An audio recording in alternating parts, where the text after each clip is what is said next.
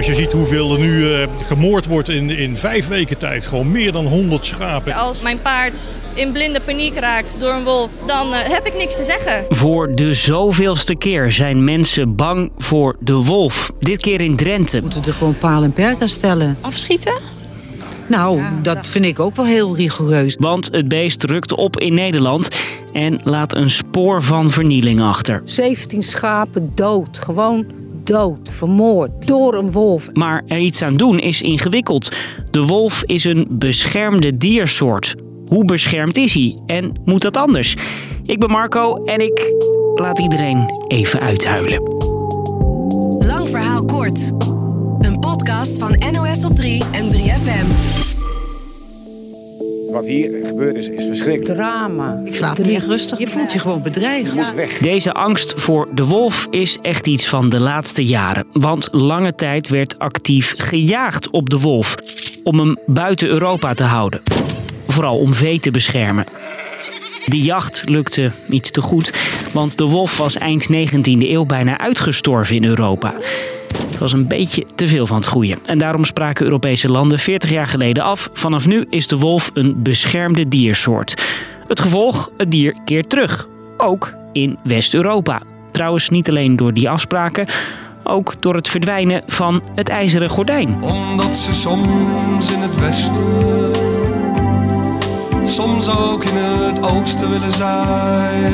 Snel verovert het beest terrein in West-Duitsland en er komt steeds dichter bij Nederland. 100 jaar al is hij uit ons land verdwenen, maar daar gaat verandering in komen. En dat klopt. In 2015 wordt weer voor het eerst in ons land een wolf gespot in Drenthe. Is dat een wolf? Ja. Ja, dit is echt een wolf. Goed nieuws vinden veel natuurliefhebbers en deskundigen. De wolf zorgt voor een enorme toename van de biodiversiteit. Dat is in de laatste 120 jaar is dat met 85% afgenomen. Wolven zitten inmiddels door het hele land. Op de Veluwe woont een roedel en paren trekken door Drenthe, Overijssel en Brabant. We moeten gaan wennen aan de wolf, want uh, ja, die gaat niet meer weg uit Nederland. Want er zitten er steeds meer en ze worden ook steeds vaker gezien. Wordt zijn komst een vloek of een zegen?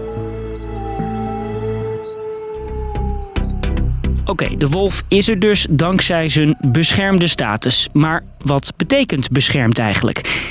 In de wet is vastgelegd dat beschermde dieren niet gedood mogen worden. Maar je mag een wolf ook niet vangen of verstoren.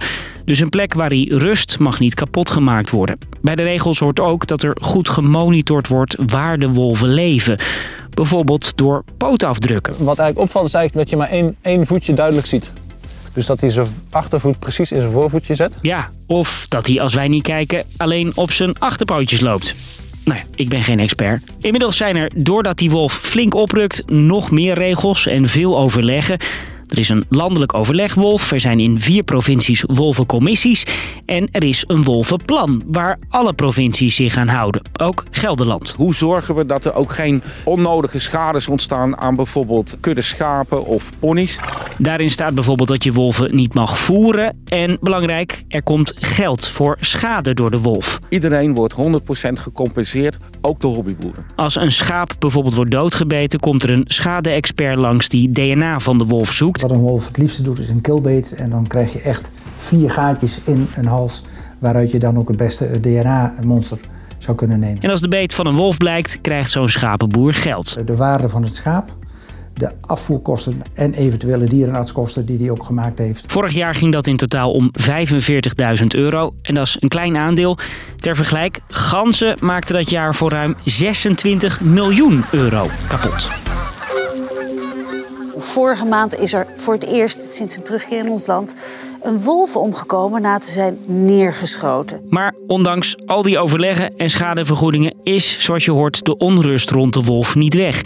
Er lijken zelfs mensen het heft in eigen handen te nemen. Zo zijn er wolven gevonden die een niet-natuurlijke dood stierven. Er is een, een bevolkingsgroep in Nederland die letterlijk en figuurlijk de wolven kan schieten. Sterker nog, veel boeren of hobbyhouders willen de wolf graag schieten. Zoals deze schapenhouder. De politici zouden gewoon een uh, afschotvergunning moeten geven voor de wolf. De wolf hoort hier niet thuis. Want nu kunnen veehouders die hun eigen dieren bloedend dood in de wei zien liggen... weinig door die beschermde status van de wolf. Ja, er mag eigenlijk helemaal niks aan de wolf gedaan worden. Het enige wat kan is het eigen vee beter beschermen. Bijvoorbeeld met hekken met stroom erop.